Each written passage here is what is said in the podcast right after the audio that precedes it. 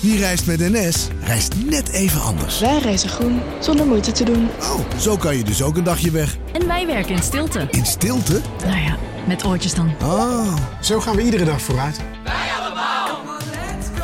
Stap je ook in?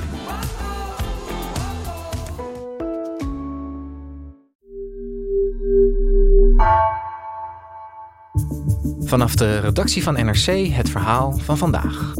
Mijn naam is Egbert Kalsen.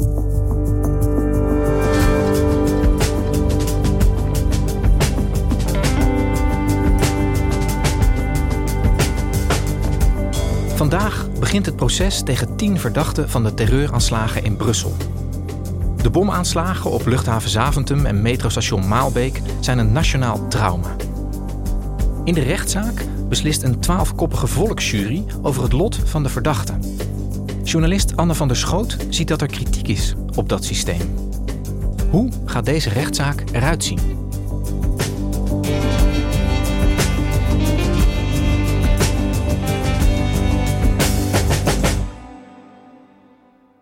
...22 maart 2016 begon als een gewone dag. Ik uh, woonde en werkte toen in Brussel. Uh, niet als correspondent voor uh, NRC, maar voor ANP ja, ik was gewoon bezig met uh, opstaan, uh, wassen, douchen, et cetera. En uh, om naar mijn werk te gaan. Dus ik, ik had mijn jas net aan om naar de metro te gaan. En ik werd gebeld door het hoofdkantoor uit Nederland. Ja, met er is iets gebeurd op Zaventem. we weten nog niet precies wat er is, maar er is iets van een explosie. Vliegveld Zaventem, even na acht uur vanmorgen. Mensen rennen de vertrekhal uit. Twee gigantische bommen horen ontploffen. Ik stond in de vertrekhal. I'm so scared. I feel like it's the end of the world.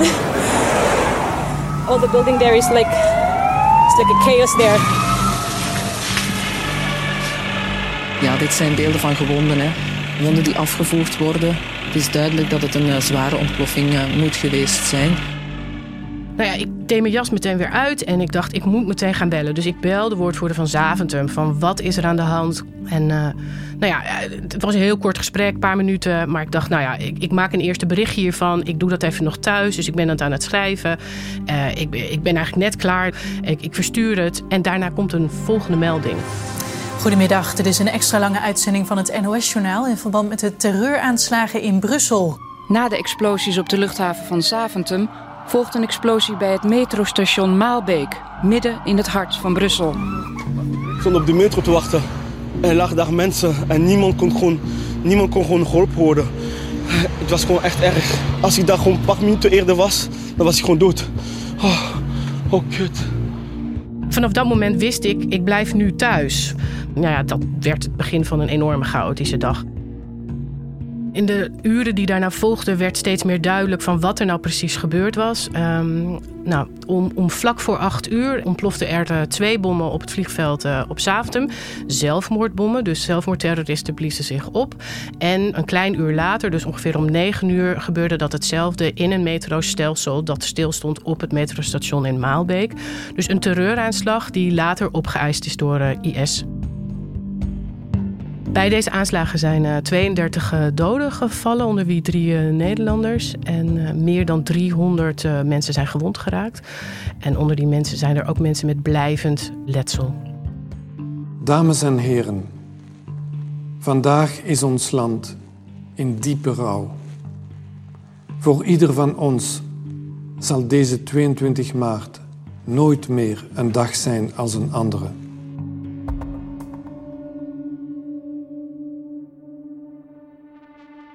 Anne, jij was, uh, jij was daar dichtbij toen dat gebeurde in België in 2016. Hoe, hoe was dat voor jou? Hoe was de, de impact? Nou, die eerste dag, dus die 22e maart, was vooral een werkdag. Dat klinkt heel raar, maar je bent als journalist zo bezig met alleen maar ja, bericht geven van wat gebeurt hier, begrijpen we en, en dat duiden. Dat bij mij pas echt veel later het persoonlijke besef kwam. Dus um, ik nam zelf altijd elke dag de metro. Uh, en met, metrostation Maalbeek was de halte waar ik op en uh, uitstapte. En uh, nou ja, dat heb ik maanden daarna heb ik dat niet gedaan. Ik wilde het gewoon echt lange tijd niet. Uh, omdat het dan toch voor je gevoel dichtbij komt. Het is ook een soort van coping mechanism, denk ik. maar dat je het wil negeren. En ik was daar ook niet de enige in, want heel veel mensen in Brussel hebben dat metrostation lange tijd vermeden. Ja, dan kan ik me voorstellen dat dat jouw gedrag ook veranderd heeft. We zijn, uh, we zijn zes jaar verder na die aanslag. Uh, vandaag begint de rechtszaak daarover, hè? Ja, de inhoudelijke rechtszaak begint nu eindelijk. Het is een gigantisch proces. Het is echt een monsterproces. Het wordt proces van de eeuw genoemd uh, in Belgische media. En uh, hopelijk kan deze rechtszaak het collectief trauma van, uh, van België ver, doen verwerken. Weet je, dat, ik denk dat dat vooral het allerbelangrijkste is. Wie zijn de verdachten eigenlijk? Er staan tien verdachten uh, uh, terecht voor uh, hun rol en hun betrokkenheid bij deze aanslagen. Um, een daarvan is niet aanwezig in de rechtszaak, want er is een vermoeden dat hij is omgekomen in Syrië. Um, maar er zijn gewoon negen verdachten fysiek aanwezig in de zaal drie mensen, uh, of drie mannen, want het zijn allemaal mannen, vallen op. Een daarvan is Salah Abdeslam. Hij is um, dit jaar veroordeeld voor zijn rol bij de aanslagen in Parijs. Die waren vier maanden voor de aanslagen in Brussel.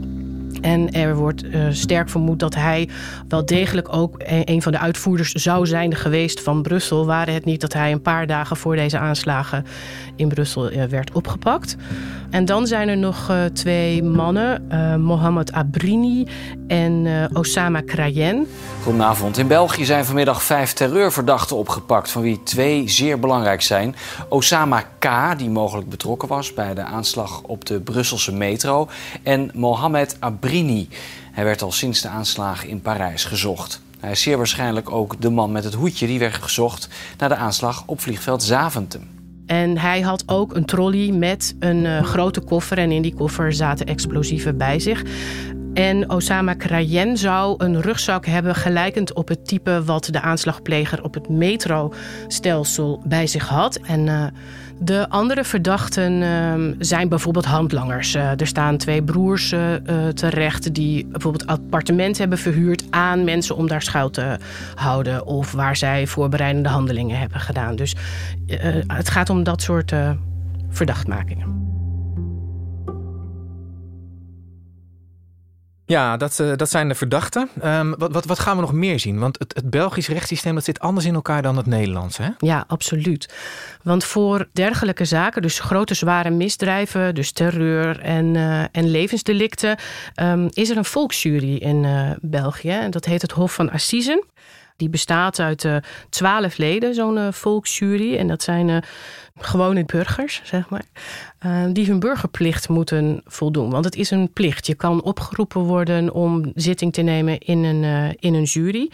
Uh, maar het is dus die jury die moet gaan bepalen of mensen schuldig zijn of niet schuldig zijn. En ook welke straf ze zouden moeten krijgen. Bij de strafmaat krijgen ze wel hulp van rechters. Er zijn dan drie beroepsrechters bij betrokken. Uh, maar dat is echt absoluut een heel ander systeem dan in, in Nederland. En op dat systeem komt ook steeds meer kritiek. Um, want dat wat beter begrijpen, moet misschien even uitleggen wat precies jury, uh, hoe dat werkt en hoe mensen geselecteerd worden. Ja, dat is wel handig, denk ik. Want uh, uh, bij juryrechtspraak denk ik altijd gelijk aan de Verenigde Staten, hè, waar iedere volwassen Amerikaan volgens mij opgeroepen kan worden om zitting te nemen in zo'n jury. Is, is dat in België ook zo? Ja, het kan elke Belg zijn om opgeroepen te worden tussen de 28 en 65 jaar. Je mag geen strafblad hebben. Je moet wel gewoon nog al je, zoals dat heet, politiek bekwaam zijn. Dus je krijgt gewoon een, een brief van justitie om te zeggen: Nou, er gaat een strafzaak dienen. Je kan ingelood worden om jurylid te zijn. Maar je kan er wel een vrijstelling voor krijgen. Je moet echt bijvoorbeeld kunnen aantonen dat je ziek bent. Of dat echt een werkgever zegt: deze persoon is volledig onmisbaar en kan echt niet vervangen worden voor de duur van zo'n proces. Dat is uh, ja. in deze zaak ook gebeurd. Maar dit is echt een uitzonderlijke zaak. Hè. Um, een Hof van Assise, want zo heet dit, um, hè, waarbij een volksjury uh, betrokken is, duurt weken tot enkele maanden ongeveer. De, deze zaak gaat echt bijna een jaar duren, is de inschatting. En uh, om nog een ander voorbeeld te geven, een gemiddelde zaak voor zo'n Hof van Assise uh, kost ongeveer 60.000 euro. Deze kost al miljoenen. Uh, dus dit is echt een buitencategorie, deze zaak. En, en hoe is de selectie van, van deze twaalfkoppige jury dan gegaan? Het is een heel lang proces geweest. Als je zo'n brief thuisgestuurd krijgt, dan kan je zelf al proberen een vrijstelling te krijgen. Maar het kan ook zijn dat jij persoonlijk je betrokken voelt bij, uh, bij zo'n zaak. Of dat je niet het idee hebt dat je kan oordelen over deze zaak. Omdat je misschien een slachtoffer kent of op een andere manier erbij betrokken bent. Dan moet je wel naar de dag komen waarop de jury wordt samengesteld. Maar dan kan je aan de rechter zeggen: Ik denk dat ik partijdig ben. En dat is ook bijvoorbeeld gebeurd. Dus woensdag was er een hele lange zitting waarbij mensen moesten komen die opgeroepen waren en die waar bijvoorbeeld zeiden van ja, ik ben taxichauffeur. Ik heb destijds op die dag heb ik mensen bloedende slachtoffers gebracht naar een ziekenhuis. Dan zegt de rechter: Oké, u krijgt een vrijstelling. En op, op welke mensen zijn ze uitgekomen voor deze jury? Er gingen uiteindelijk uh, ruim 300 namen in een zeg maar pot. En letterlijk wordt daar gewoon een naam uitgetrokken. Is het gelukt? Is die jury na die lange dag eindelijk samengesteld? Ja, het zit erop, Wim. Uh, na een uh, zitting die meer dan 13 uur heeft geduurd, is de jury gekozen. 12 effectieve, 7 vrouwen en 5 mannen en ook 24 reserve juryleden. En het viel toch op, Wim, dat wanneer mensen te horen kregen dat ze niet moesten zetelen, dat er toch bij velen een zucht van opluchting door de zaal ging. En er zijn dus ook 24 reserveleden gekozen. Dat aantal is heel erg hoog. Dat is bewust gekozen omdat dit zo'n enorm zwaar en groot proces is. En ze in het verleden hebben meegemaakt dat um, ook reservejuryleden wellicht uitvallen. En dan dreigt zo'n proces helemaal te ontsporen als ze niet reserveleden hebben om eventueel een echt jurylid te vervangen. Ja, want hoe, hoe gaat dat er voor die mensen uitzien? Uh, het is een fulltime job. Want ze zullen dagelijks naar de rechtbank moeten komen. Bij wijze van 9 tot 5. Ze kunnen niet werken in die periode. Um, ze worden daarvoor wel betaald. Dus hun werkgever wordt gecompenseerd voor het feit dat iemand in een jury eh, deelneemt. Maar ze gaan alles van A tot Z overdoen. Ze krijgen geen dossier. Dus eh, het onderzoek wat de politie bijvoorbeeld gedaan heeft, sporenonderzoeken en al dat soort dingen, dat is niet van hier heb je het dossier, ga het lezen en stel je vragen. Nee, alle bevindingen moeten aan de jury worden verteld. Want dat is het element van de volksjury. Het gaat bij, voor mondelinge overdracht. Het volksjury-systeem is ingevoerd eh, in de 19e eeuw in eh, België. En er was op dat moment een soort van wantrouwen tegen de rechterlijke macht. En eh, daar was toen de consensus van nee, we moeten het volk laten beslissen. En ja, niet iedereen kon toen lezen en schrijven. Dus dat is toen besloten. Het moet door mondelinge overdracht moet een zaak bepleit worden. En dat is nog steeds, nu ook in anno 2022, nog steeds het feit.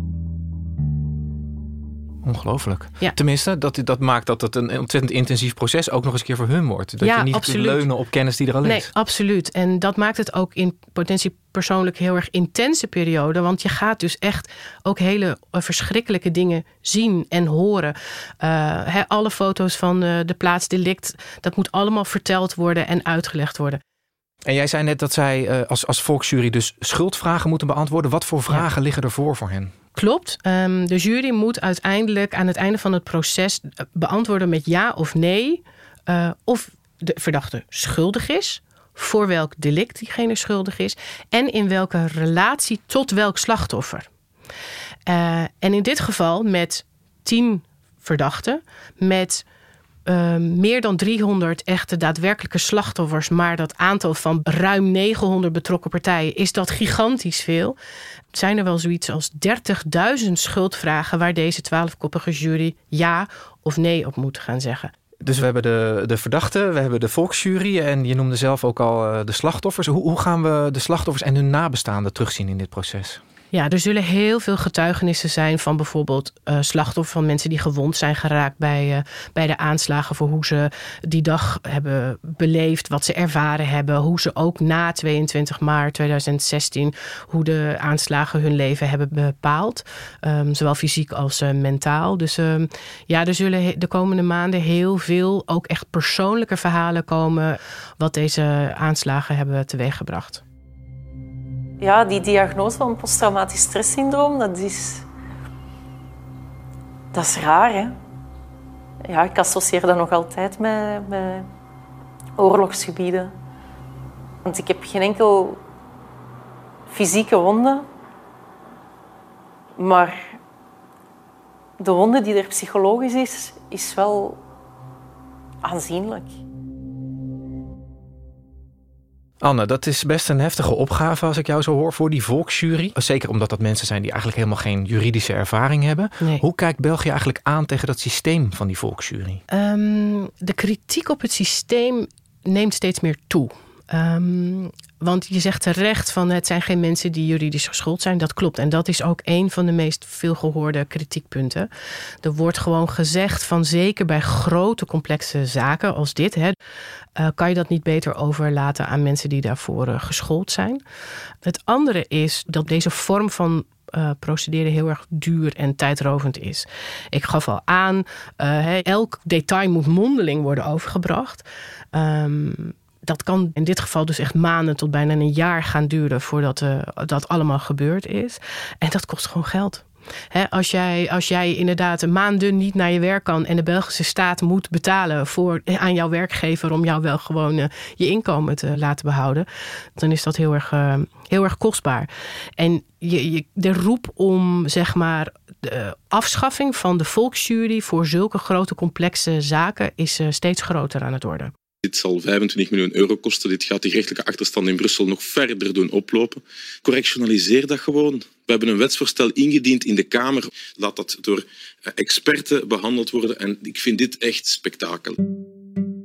Ja, want wat gebeurt er met die kritiek? Is dat systeem nog houdbaar? Vinden, vinden, hoe kijken de mensen in België daar tegenaan? Nou, er zijn wel degelijk de afgelopen jaren ook pogingen gedaan om dit systeem aan te passen of te hervormen. Um, maar die stranden steeds. En dat heeft te maken met het feit onder meer dat er een grondwetwijziging voor nodig is.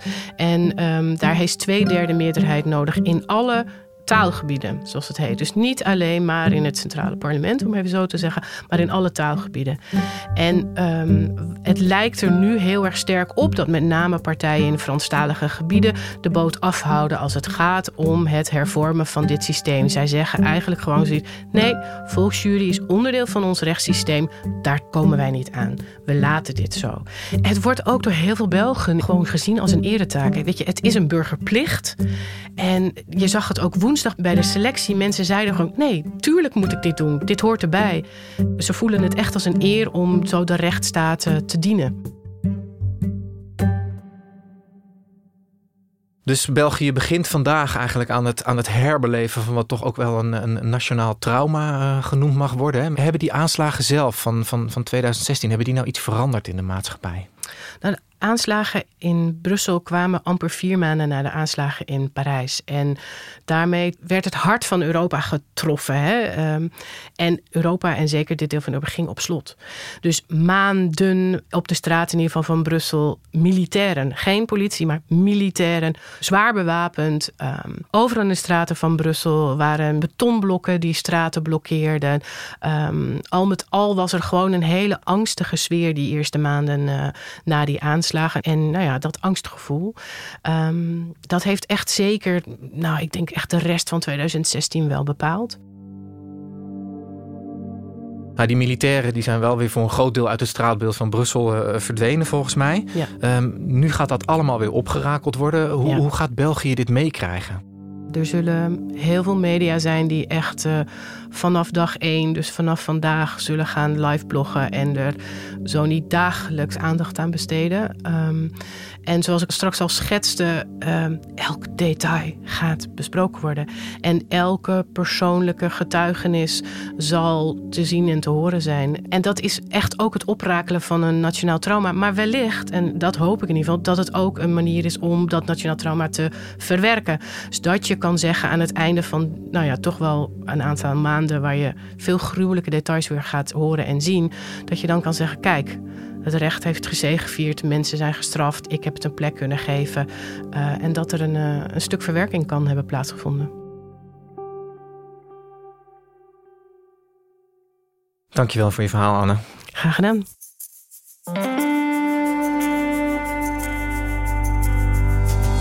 Je luisterde naar vandaag, een podcast van NRC.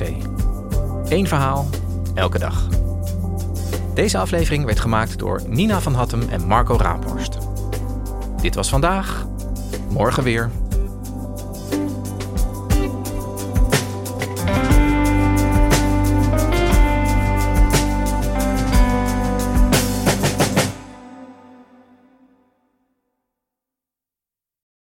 De financiële markten zijn veranderd, maar de toekomst die staat vast. We zijn in transitie naar een klimaatneutrale economie. Dit biedt een van de grootste investeringskansen van onze generatie. Een kans voor u om mee te groeien met de pioniers van morgen. Meer weten? Ga naar carbonequity.com. Carbon Equity. Do good by investing better.